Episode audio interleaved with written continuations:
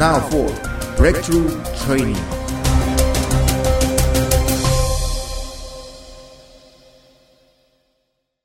Gereja yang saudara pimpin akan betul-betul alami perubahan secara drastis. Katakan amin. Karena saya mendapati ketika engkau mulai men-set up gereja seperti apa yang roh kudus sedang sampaikan pada hari-hari ini. Maka engkau sedang men-set up gereja persis seperti yang Tuhan inginkan. Kemuliaan Tuhan pasti akan tercurah. Katakan pasti tercurah. Amin. Makanya kalau saudara baca dalam Ibrani pasal yang pertama. Coba sekilas saya mau mengajak kita melihat Ibrani 1. Ibrani 1 ayat 1 sampai ayat yang kedua aja. Sudah? Oke, Ibrani pasal yang pertama dari ayat yang pertama sampai ayat yang kedua. Baca dengan keras. Dua, tiga, setelah pada zaman dahulu Allah berulang kali dan dalam berbagai cara berbicara kepada nenek moyang kita dengan perantara nabi-nabi. Maka pada zaman akhir ini ia telah berbicara kepada kita dengan perantaraan anaknya yang telah ia tetapkan sebagai yang berhak menerima segala yang ada. Oleh dia Allah telah menjadikan alam semesta. Dari ayat yang pertama, Paulus sudah langsung mengkonfrontasi akar persoalan dari jemaat Ibrani. Engkau terus berpegang kepada apa yang dulu. Memang betul, nggak salah. Dulu Tuhan bicara lewat para nabinya. Nggak salah. Tapi persoalannya sekarang Bapak mengambil keputusan berbicara melalui anaknya. Nah engkau harus belajar dengar anaknya. Halo amin. Oke, jadi hal mendengar ini menjadi sesuatu yang sangat penting sekali pada hari-hari ini. Siapa yang sedang engkau dengarkan? Apa yang sedang engkau dengarkan? Mengapa engkau mendengarkan hal itu? Apa yang kau dengarkan? Itu sangat penting sekali pada hari-hari ini. Katakan amin. Kalau saudara mendengarkan sesuatu yang datang dari sorga, maka engkau akan terus diselaraskan dengan sorga sendiri. Kalau engkau mendengarkan apa yang dari dunia ini, engkau otomatis akan menjadi semakin serupa dengan dunia ini. Halo amin. Karenanya Alkitab langsung memberitahukan kepada kita, penulis Ibrani langsung berkata, memang pada zaman dahulu. Ini sumber persoalan kebanyakan orang Kristen zaman sekarang. Itu masalah yang dihadapi orang Ibrani di zaman itu. Tapi di zaman sekarang ada banyak orang Kristen yang punya masalah yang serupa.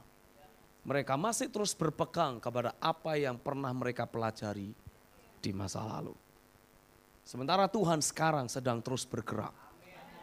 Pasal yang kedua, loncat langsung pasal 2 ayat yang pertama. Karena itu, baca dengan keras Ibrani pasal 2, udah ketemu semua? Mulai ayat yang pertama, karena itu harus lebih teliti kita memperhatikan apa yang telah kita dengar supaya kita jangan hanyut di bawah arus. Ayat yang kedua, sebab kalau firman yang dikatakan dengan perantaran malaikat-malaikat tetap berlaku dan setiap pelanggaran dan ketidaktaatan mendapat balasan yang setimpal. Bagaimanakah kita akan luput jikalau kita menyanyiakan keselamatan yang sebesar itu yang mula-mula diberitakan oleh Tuhan dan oleh mereka yang telah mendengarnya kepada kita dengan cara yang dapat dipercayai. Sedangkan Allah meneguhkan kesaksian mereka oleh tanda-tanda dan mujizat-mujizat dan oleh berbagai-bagai pernyataan kekuasaan dan karunia roh kudus yang dibagi-bagikannya menurut kehendaknya. Alkitab berkata, hei perhatikan lebih teliti lagi. Apa yang telah kita dengar. Sumber input yang selama ini mempengaruhi hidup kita akan sangat menentukan apakah kita sebagai hamba-hamba Tuhan akan betul-betul bisa berfungsi menjadi anugerah atau tidak. Halo amin. Sementara Tuhan mengendaki kalau kita ingin men-set up gereja kita, kita ingin merombak pelayanan kita sehingga menjadi serupa dengan pola sorga, maka hal pertama yang saudara harus perhatikan adalah cek siapa sumber input dalam dirimu. Sumber input yang selama ini mempengaruhi hidupmu itu jenis sumber input yang seperti apa? Yang manusiawikah? Yang ilahikah? Eh perhatikan sungguh-sungguh. Halo amin. Kita nggak boleh cuma sekedar pokoknya saya melayani, saya pokoknya mengkhotbahkan apa yang saya dengar. No, no, no. Alkitab katakan dalam pasal 2 ayat yang pertama, perhatikan dengan lebih teliti apa yang telah kau dengar. Amen. Kalau enggak engkau akan terbawa oleh arus. Amin. Karenanya saya mendorong saudara, ayo kita perhatikan, kita cek, apakah sampai sejauh ini kita sebagai pelayan Tuhan sudah betul-betul berfungsi, sudah bisa mengalirkan anugerah. Nah mungkin saudara bertanya, apa sih yang dimaksud dengan pemimpin yang mengalirkan anugerah? Mungkin saudara bisa tuliskan dengan segera. Yang dimaksud pemimpin yang mengalirkan anugerah adalah pemimpin atau pelayan, pemimpin atau pelayan yang berfungsi menjadi anugerah bagi jemaat adalah para pemimpin atau pelayan yang sedang terus berjalan bersama-sama dengan Tuhan, pemimpin atau pelayan yang sedang terus berjalan bersama dengan Tuhan, hidup di dalam dimensi pengenalan akan Tuhan yang sehat dan seimbang,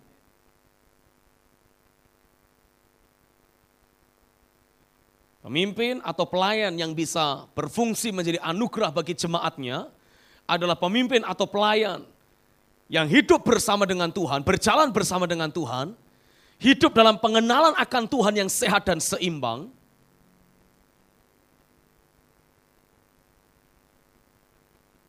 dan sanggup atau memiliki kemampuan dan memiliki kemampuan untuk membawa jemaat yang dia layani, pemimpin yang berjalan bersama dengan Tuhan, hidup dalam pengenalan akan Tuhan yang sehat dan seimbang, dan memiliki kemampuan untuk membawa setiap jemaat yang terhubung dengan dirinya, saya lebih suka kalimat itu, dan memiliki kemampuan untuk membawa setiap jemaat yang terhubung dengan dirinya,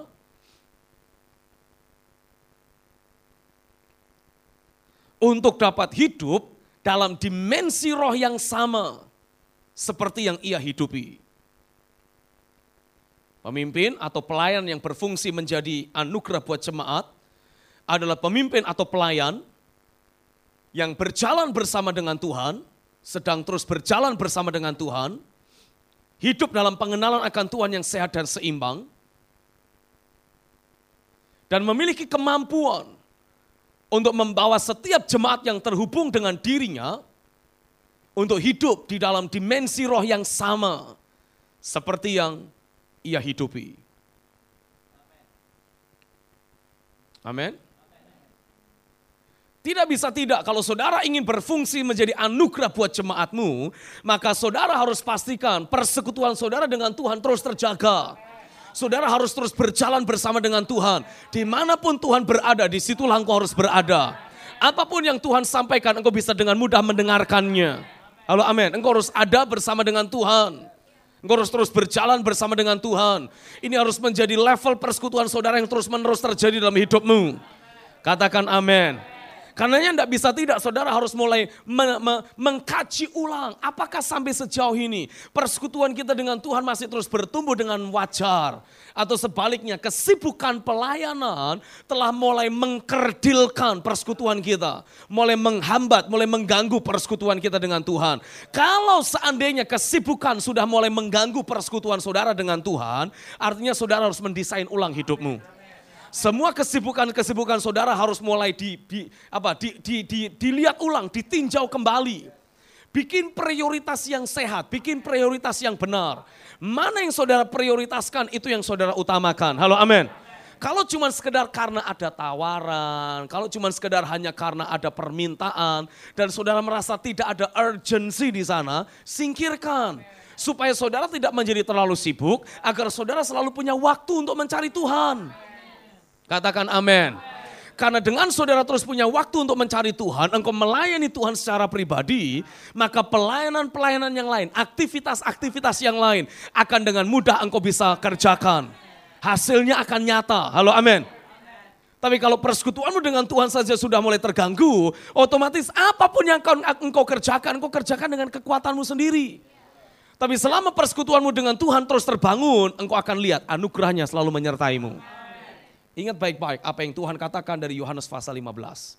Di luar aku, kamu tidak bisa berbuat apa-apa. Di dalam aku, kamu akan berbuah lebat. Halo amin. Jadi tidak bisa tidak, kalau kita ingin berfungsi menjadi anugerah buat jemaat, kita harus pastikan kita terus terhubung dengan sorga. Halo amin. Tapi pada saat yang sama, kita sendiri harus memiliki pengenalan akan Tuhan yang sehat dan seimbang. Seandainya pengenalan kita akan Tuhan kurang seimbang, tidak seperti yang seharusnya, maka otomatis hidup kita tidak akan bisa berfungsi menjadi anugerah. Amin. Nanti kita akan gali lebih lanjut. Apa saja yang harus kita bangun dalam dalam dalam pengenalan akan Tuhan yang kita miliki. Karena saya mendapati bahkan di antara para pendeta ada banyak sekali orang-orang yang yang yang tidak mem, tidak bisa mem, memiliki pengenalan akan Tuhan yang sehat dan seimbang. Sehingga sebagai akibatnya tanpa dia sadari kalau dia khotbah, dia hanya bisa memberikan Taurat, dia hanya bisa memberikan perintah, tapi tidak bisa memberikan anugerah. Tidak ada aliran roh yang mengalir, tidak ada kehidupan yang mengubahkan. Yang ada hanyalah perintah, perintah, larangan, perintah, larangan, Taurat. Oke, sampai sini paham? Halo, amin. Nah, tapi pada saat yang sama saudara sebagai pemimpin, kau harus juga punya kemampuan untuk bisa membawa jemaat yang terhubung dengan hidup saudara untuk mulai hidup dalam dimensi roh yang sama. Halo, amin.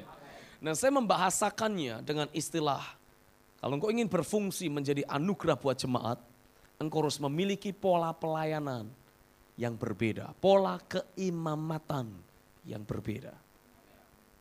Coba lihat sekali lagi Ibrani pasal yang ke mana nih sekarang? Oke, Ibrani pasal yang ketujuh.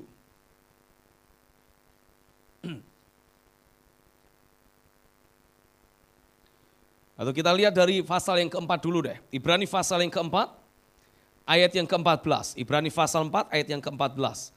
Saya nggak bisa berikan secara detail ayat per ayat ya karena ini akan menjadi terlalu panjang dan bisa melebar. Tapi saya berikan kepada saudara poin-poinnya saja, kunci-kuncinya saja. Oke, nanti sudah bisa pelajari sendiri. Ayat yang ke-14, perikopnya judulnya apa sih di situ? Yesus sebagai imam besar. Oke. Ketika saudara memperhatikan lebih lanjut dalam pasal yang ke-5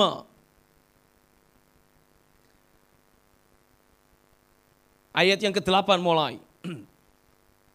Ibrani pasal yang kelima, mulai ayat yang ke-8. Perhatikan, Alkitab berkata begini, Dan sekalipun ia adalah anak, ia telah belajar menjadi taat dari apa yang telah diteritanya.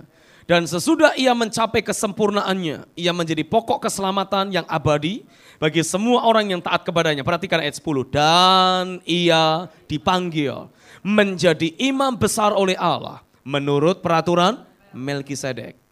Lalu kalau saudara baca dalam pasal yang ketujuh, Saudara akan mendapati di sana.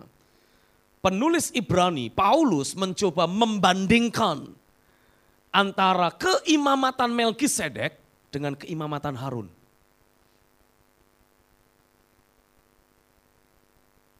Dalam Ibrani pasal yang ketujuh, ada perbedaan yang sangat menyolok antara keimamatan Melkisedek dengan keimamatan Harun. Nah kalau saudara tidak keberatan, saya pengen mengajak untuk kita lebih lebih detail lagi memperhatikan hal ini karena saya percaya ini sangat penting sekali untuk kita pelajari. Halo amin. Dan saya mengendaki untuk kita bisa sama-sama mulai mulai bisa melihat perbandingannya. Apakah kita selama ini tanpa sadar sedang terus mempraktekkan keimamatan Harun dalam pelayanan kita. Terlalu tenang rasanya siang ini. Amin. Karena, karena tanpa sadar sering kali saya melihat ada banyak sekali dari antara kita sebagai para pelayan Tuhan. Kita tanpa sadar sedang terus mempraktekkan keimamatan Harun dan bukan keimamatan Melkisedek. Nggak heran pelayanan kita nggak bisa mengalirkan anugerah. Ingat Yesus sebagai imam besar dalam Ibrani pasal yang keempat mengatakan kepada kita. ya Dalam Ibrani pasal yang keempat memberitahukan kepada kita. Dalam ayat yang ke-14. Karena kita sekarang mempunyai imam besar agung yang telah melintasi semua langit, yaitu Yesus anak Allah. Baiklah kita teguh berpegang kepada pengakuan iman kita. Sebab iman besar yang kita punya bukanlah iman besar yang tidak dapat turut merasakan kelemahan kita. Sebaliknya sama dengan kita ia telah dicobai hanya tidak berbuat dosa. Betul amin? Karena itu atau sebab itu marilah kita dengan penuh keberanian menghampiri tata kasih karunia supaya kita menerima rahmat dan menemukan kasih karunia untuk mendapat pertolongan kita pada Waktunya Alkitab mengatakan dalam ayat 14, ketika kita terhubung kepada Yesus sebagai imam besar yang agung, Yesus yang berjalan dalam keimamatan Melkisedek, Alkitab katakan kita akan terus diteguhkan untuk berpegang kepada pengakuan iman kita. Halo amin. Lalu dalam ayat yang ke-16 dikatakan ketika kita terus terhubung dalam imam uh, dengan imam besar uh, agung yang adalah keimamatan Melkisedek itu, maka kita akan selalu mendapatkan rahmat, mendapatkan pertolongan, mendapatkan kasih karunia setiap kali kita membutuhkannya. Halo amin. Ini yang sebetulnya dibutuhkan oleh jemaat. Ini yang dibutuhkan oleh jemaat sehingga mereka akan betul-betul hidup dalam dimensi roh yang sama seperti kita sebagai pemimpin.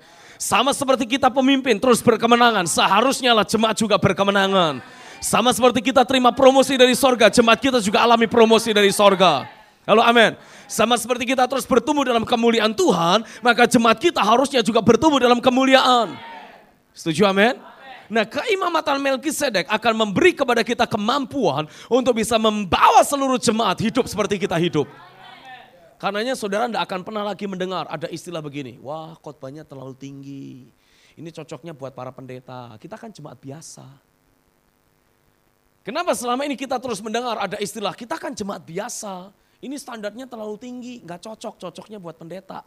Karena tanpa sadar, kita sedang terus mempraktekkan keimamatan Harun. Tidak boleh begini, tidak boleh begitu, harusnya begini, harusnya begitu. Sementara dalam keimamatan Melkisedek, saudara akan mendapati ada roh yang memampukan. Halo amin. Ada roh yang memampukan kita. Dalam perjanjian lama, Alkitab berkata, tidak boleh berzina. Tapi dalam perjanjian baru, Tuhan bisa membuat pikiran kita bersih, tahir.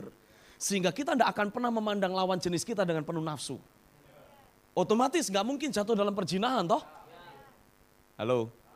Dalam perjanjian lama Alkitab cuma berkata jangan berzina. Tapi kita sering kali bergumul, bergumul, tengking itu pikiran corok. Dan kadangkala bisa jatuh dalam perjinahan.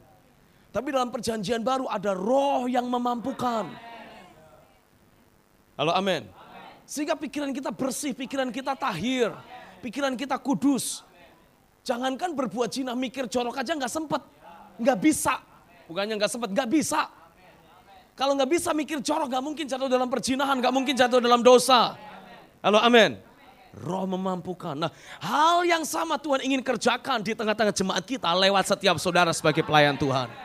Lewat pelayananmu akan mengalir aliran kehidupan roh. Halo, amin. Engkau mulai berfungsi menjadi anugerah buat jemaatmu. Nah coba deh saya mau mengajak untuk kita bisa melihat perbedaan antara keimamatan Harun dengan keimamatan Melkisedek. Oke? Dalam ayat yang ke-11 sekarang. Ibrani pasal yang ke-7 ayat yang ke-11. Baca dengan keras saat ini. Karena itu, andai kata oleh imamat Lewi telah tercapai kesempurnaan, sebab karena imamat itu umat Israel telah menerima Taurat, apakah sebabnya masih perlu seorang lain ditetapkan menjadi imam besar menurut peraturan Melkisedek dan yang telah dia dan tentang dia tidak dikatakan menurut peraturan Harun. Tuliskan yang pertama.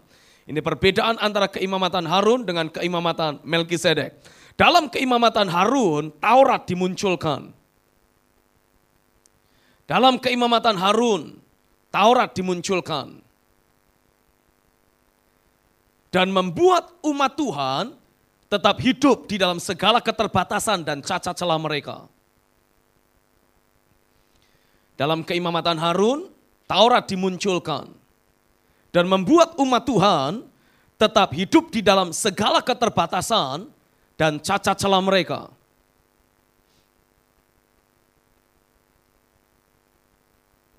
Amin.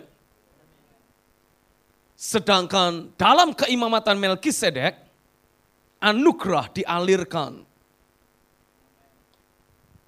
Sedangkan dalam keimamatan Melkisedek, anugerah dialirkan.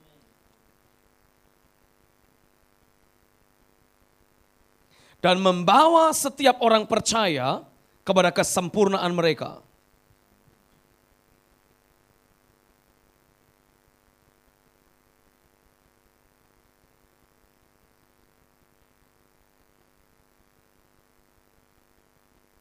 Amin.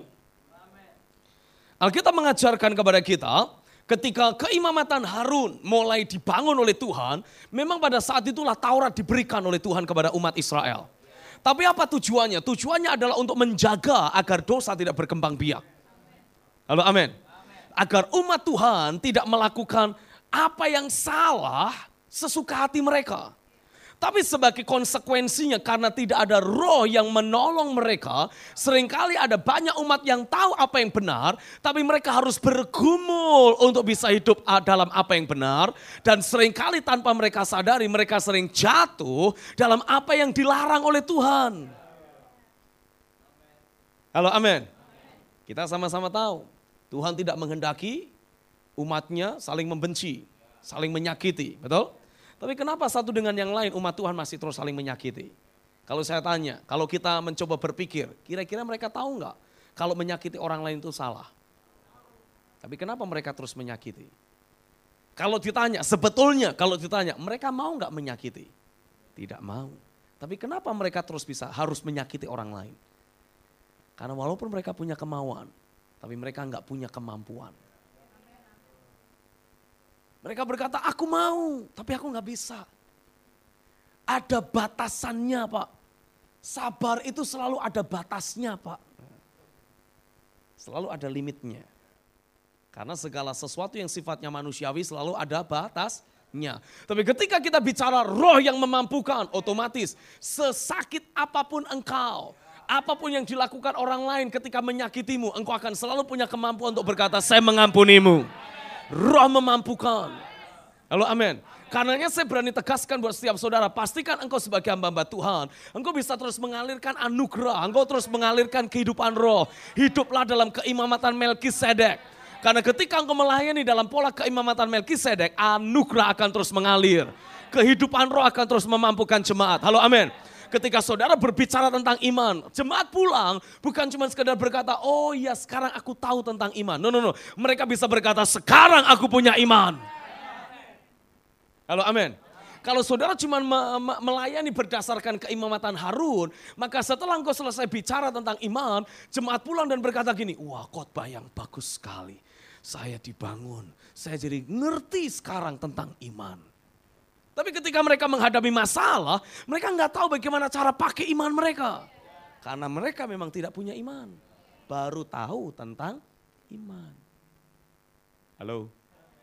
Tapi ketika saudara sebagai pelayan Tuhan mengalirkan kehidupan roh, ada anugerah yang mengalir lewat hidup saudara. Begitu engkau selesai khotbah, engkau mendapati jemaat pulang menyalami saudara itu dengan antusias.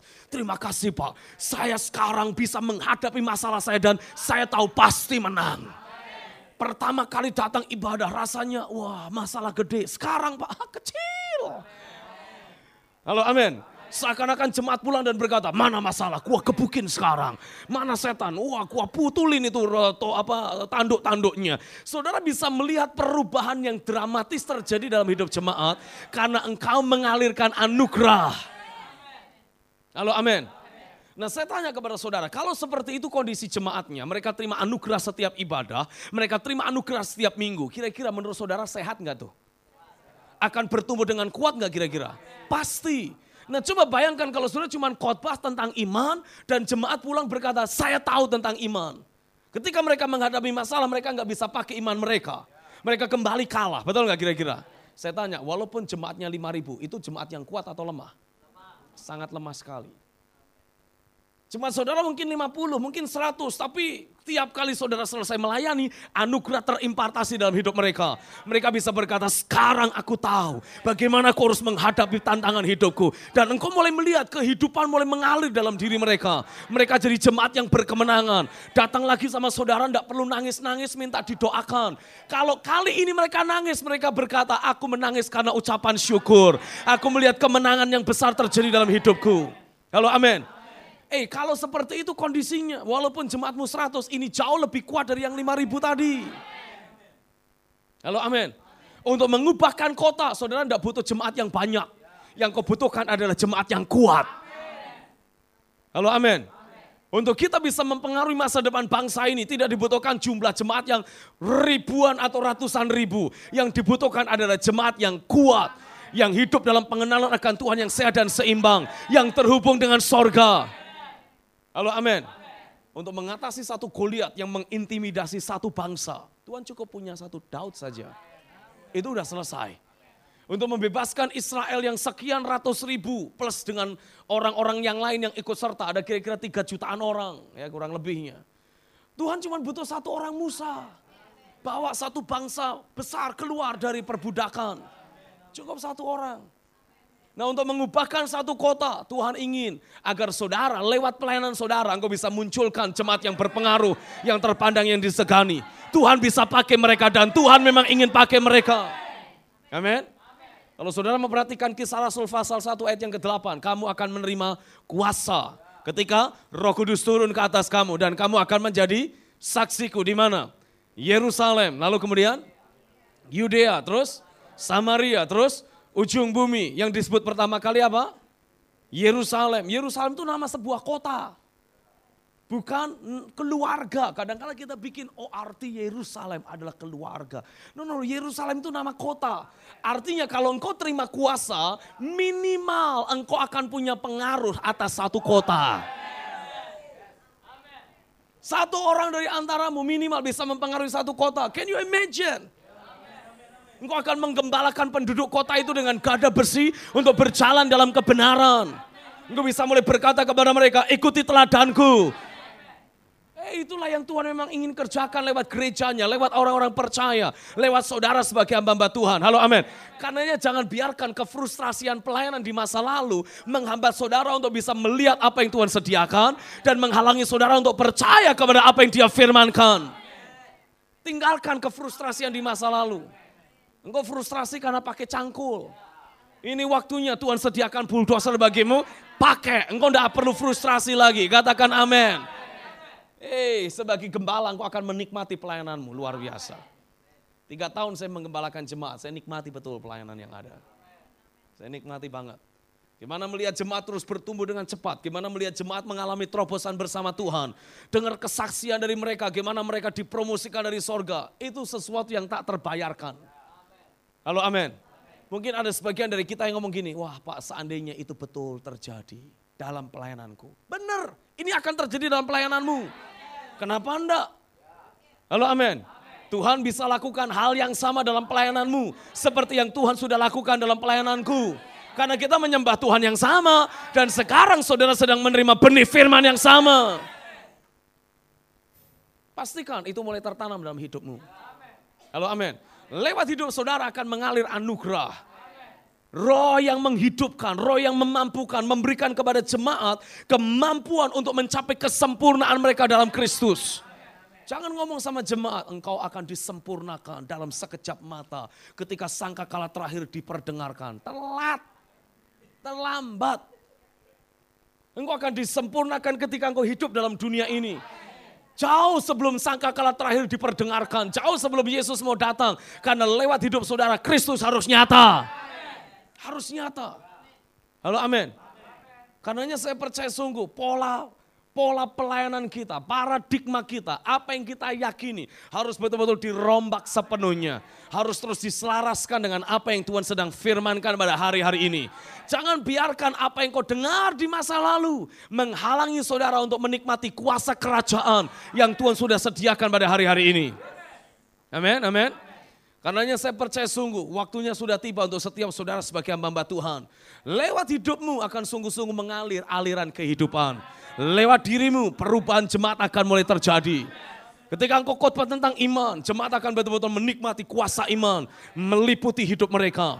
Ketika engkau berbicara tentang apa katakanlah kebenaran, cinta akan kebenaran, secara otomatis kerinduan mencintai kebenaran mulai terimpartasi dalam hidup jemaat. Ketika engkau bicara tentang doa, roh doa menguasai mereka. Engkau tidak perlu takut-takuti jemaat untuk berdoa. Eh, kalau engkau tidak berdoa tidak diberkati. Eh, kalau engkau tidak berdoa pulang diikuti wewe gombel. Tidak perlu seperti itu lagi. Halo? Engkau akan alami ketika engkau bicara tentang doa, roh doa pun tercurah. Dan otomatis jemaat memiliki roh doa dalam hidup mereka. Doa doa menjadi sesuatu yang lazim buat mereka. Sesuatu yang wajar buat diri mereka. Katakan amin. Karenanya saya percaya waktunya tiba Tuhan menetapkan saudara menjadi anugerah buat jemaat. Amin, amin. Bahkan saya percaya sementara saya terus berbicara seperti ini kepada saudara. Dan engkau mulai meresponi apa yang Tuhan sedang sampaikan pada pagi ini. Tuhan sedang mulai membawa saudara mengalami perubahan posisi rohani. Dari keimamatan Harun yang selama ini engkau terus ikuti. Mulai masuk dalam keimamatan Melkisedek yang Tuhan mulai bukakan buat saudara. Engkau tidak lagi cuma sekedar bisa berkhotbah. Tapi engkau akan mengalirkan kehidupan roh. Halo amin. Dari hidupmu akan ada aliran-aliran kehidupan yang akan mengubahkan banyak orang. Apa yang kau kerjakan selama ini mungkin tidak terlalu banyak hasilnya. Tapi saya percaya setelah selesai training ini, engkau akan lihat hasil yang berlipat ganda akan mulai muncul lewat hidup pelayananmu. Bersiaplah, bersiaplah. Karena saya percaya itulah yang akan terjadi. Mungkin sebagian dari antara kita masih terus mengalami pergumulan untuk percaya, Pak apakah itu mungkin? Aku pelayanannya di daerah loh. Eh Yesus adalah Allah atas daerah juga. Dia bukan cuma Tuhan yang berkuasa di kota besar, dia juga berkuasa di daerah. Halo amin. Dan saya malah justru melihat, kalau pelayananmu di daerah, saingannya tambah kecil. Kalau Tuhan promosikan jemaat saudara, jauh lebih gampang. Di kota, aduh, saingan banyak. Betul amin? Berbahagialah engkau yang ditaruh Tuhan di daerah. Karena engkau akan bisa melihat perubahan yang menyolok terjadi di daerah itu. Bersyukurlah. Ketika pertama kali kita pindah di tempat ini. Ini satu deret ruko kosong semua. Itu sana semua kosong semua. Masih sepi. Gereja juga paling cuma 3-4 or, 3-4 biji.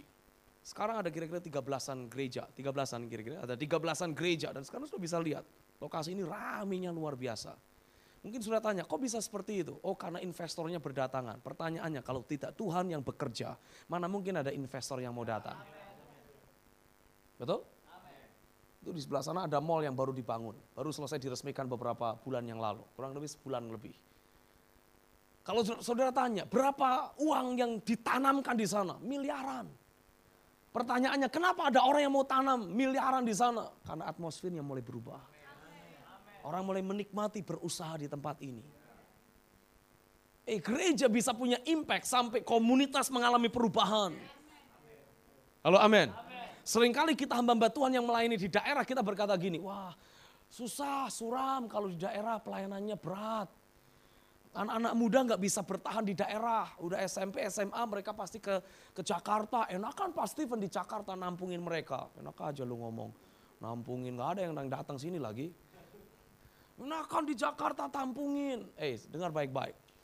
Alasan kenapa kita sering ucapkan di daerah anak-anak muda tidak bisa tidak bisa bertahan karena kita tidak menciptakan masa depan buat mereka.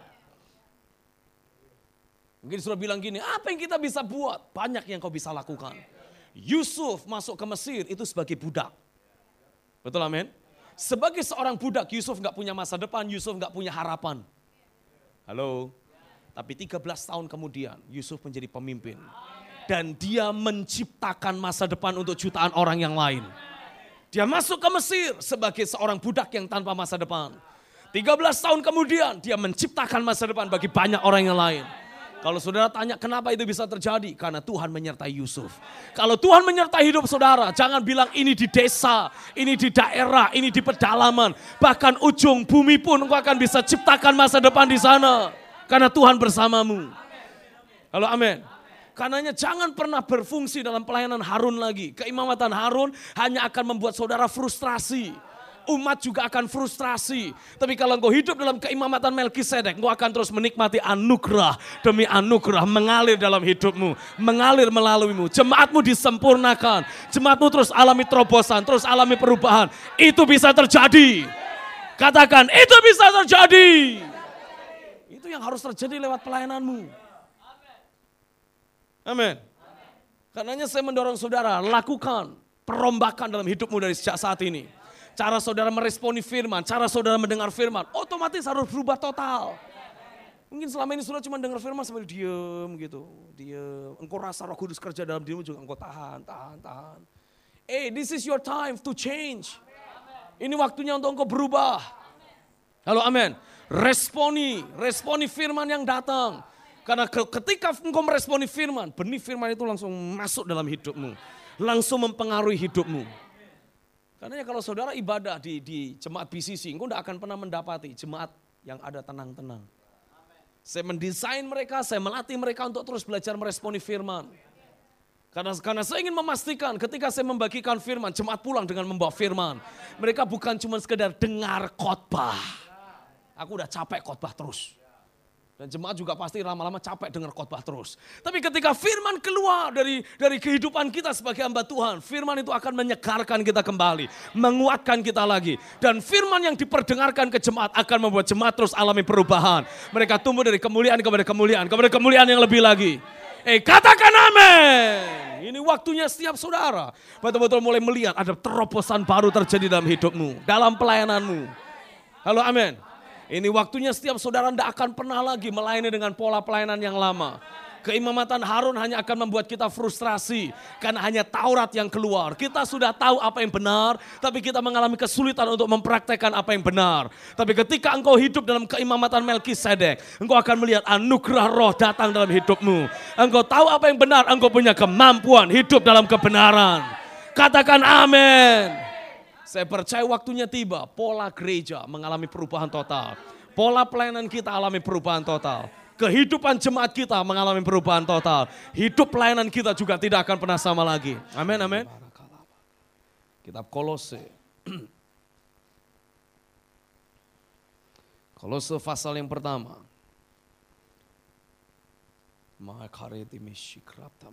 Haleluya. Kolose 1 mulai ayat yang ke-25 sampai ayat yang ke-29. Kita baca sama-sama dengan suara yang keras. Aku telah menjadi pelayan jemaat itu sesuai dengan tugas yang dipercayakan Allah kepadaku untuk meneruskan firman-Nya dengan sepenuhnya kepada kamu. Yaitu rahasia yang tersembunyi dari abad ke abad dan dari turunan ke turunan. Tetapi yang sekarang dinyatakan kepada orang-orang kudusnya. Kepada mereka Allah mau memberitahukan betapa kaya dan mulianya rahasia itu di antara bangsa-bangsa lain. Yaitu Kristus ada di tengah-tengah kamu. Kristus yang adalah pengharapan akan kemuliaan. Dialah yang kami beritakan apabila tiap-tiap orang kami nasihati. Dan tiap-tiap orang kami ajari dalam skala hikmat. Untuk memimpin tiap-tiap orang kepada kesempurnaan dalam Kristus. Itulah yang kuusahakan dan kupergumulkan dengan segala tenaga sesuai dengan kuasanya yang bekerja dengan kuat di dalam aku. Paulus berkata, Kristus ada di tengah-tengah kamu adalah Kristus. Kristus yang adalah pengharapan akan kemuliaan. Dalam bahasa Inggris dikatakan Christ in you is the hope of the glory. Tapi selama Kristus hanya tinggal di dalam diri kita, maka kemuliaan itu hanyalah sebuah pengharapan.